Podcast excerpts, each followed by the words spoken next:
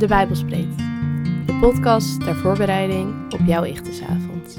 Twijfels.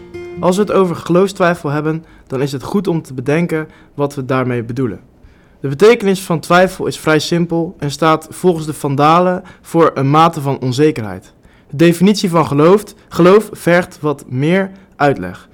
Geloof in de Bijbel komt van het Griekse woord pistis, wat wordt vertaald met geloof.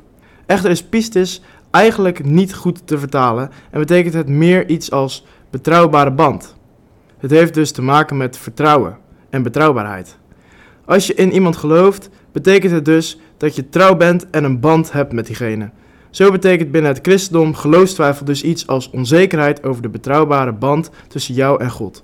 Toch wordt dit niet altijd bedoeld met geloofstwijfel. Zeker in technische kringen wordt met geloofstwijfel vaak de onzekerheid over de overtuiging die je hebt bedoeld. Of het met alle kennis die je hebt nog wel lukt om overtuigd te zijn van het christelijk geloof. Je twijfelt dan meer aan de echtheid, waarheid of het bestaan van God. Dit wordt ook wel verstandstwijfel genoemd. Als je twijfelt of iets bestaat, is het bijna onmogelijk om daar een betrouwbare en stabiele band mee op te bouwen. Het is dan goed om te beseffen dat Gods bestaan aantonen zoals wij dat willen nooit mogelijk gaat zijn. We willen God dan linken aan een wetenschappelijke, bewijsbare overtuiging. Zo'n overtuiging is een specifieke vorm van kennis.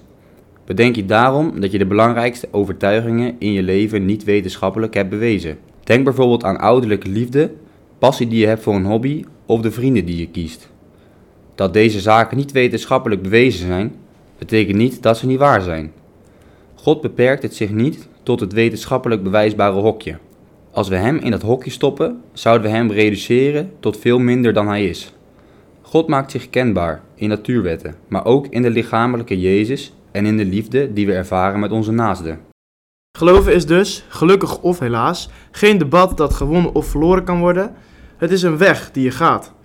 Een weg die helaas ook door woestijnen kan gaan, waar de zin van het leven ver te zoeken is en het pad nergens meer kenbaar is. In zo'n woestijn is het belangrijk om fijne mensen om je heen te hebben. Mensen die niet gelijk met antwoorden of oplossingen komen, maar jouw twijfel er ook kunnen laten zijn. Twijfel is namelijk iets heel fundamenteels. Als je eerst gelooft in de schepper van de hemel en aarde, die de hele zin van jouw bestaan bepaalt, dan is dat de belangrijkste vastigheid in je leven. Als je vervolgens twijfelt aan het bestaan van God, valt daarmee alle zekerheid en alle zin ook weg. Hoe sterker je overtuigd bent van het geloof, hoe meer de grond onder je vandaan zakt als dat geloof wegvalt. Daarom kan twijfel hele negatieve effecten hebben op je emoties en je mentale toestand. Het is daarom belangrijk en helemaal niet gek om professionele hulp te zoeken als je de depressieve gedachten krijgt als gevolg van geloofstwijfel. Het paradoxale aan dit effect van geloofstwijfel is dat we merken dat geloof veel meer voor ons betekent dan wetenschappelijke waarschijnlijkheid op het moment dat we eraan twijfelen. Als we zouden twijfelen aan de waarheid van de huidige indeling van ons zonnestelsel, zou dat veel minder effect hebben dan twijfel aan ons geloof. Geloof betekent daarmee vaak onbewust veel meer voor ons dan we beseffen. Overdenking. Hoe betrouwbaar is de band die jij hebt met God? Wat staat die band in de weg?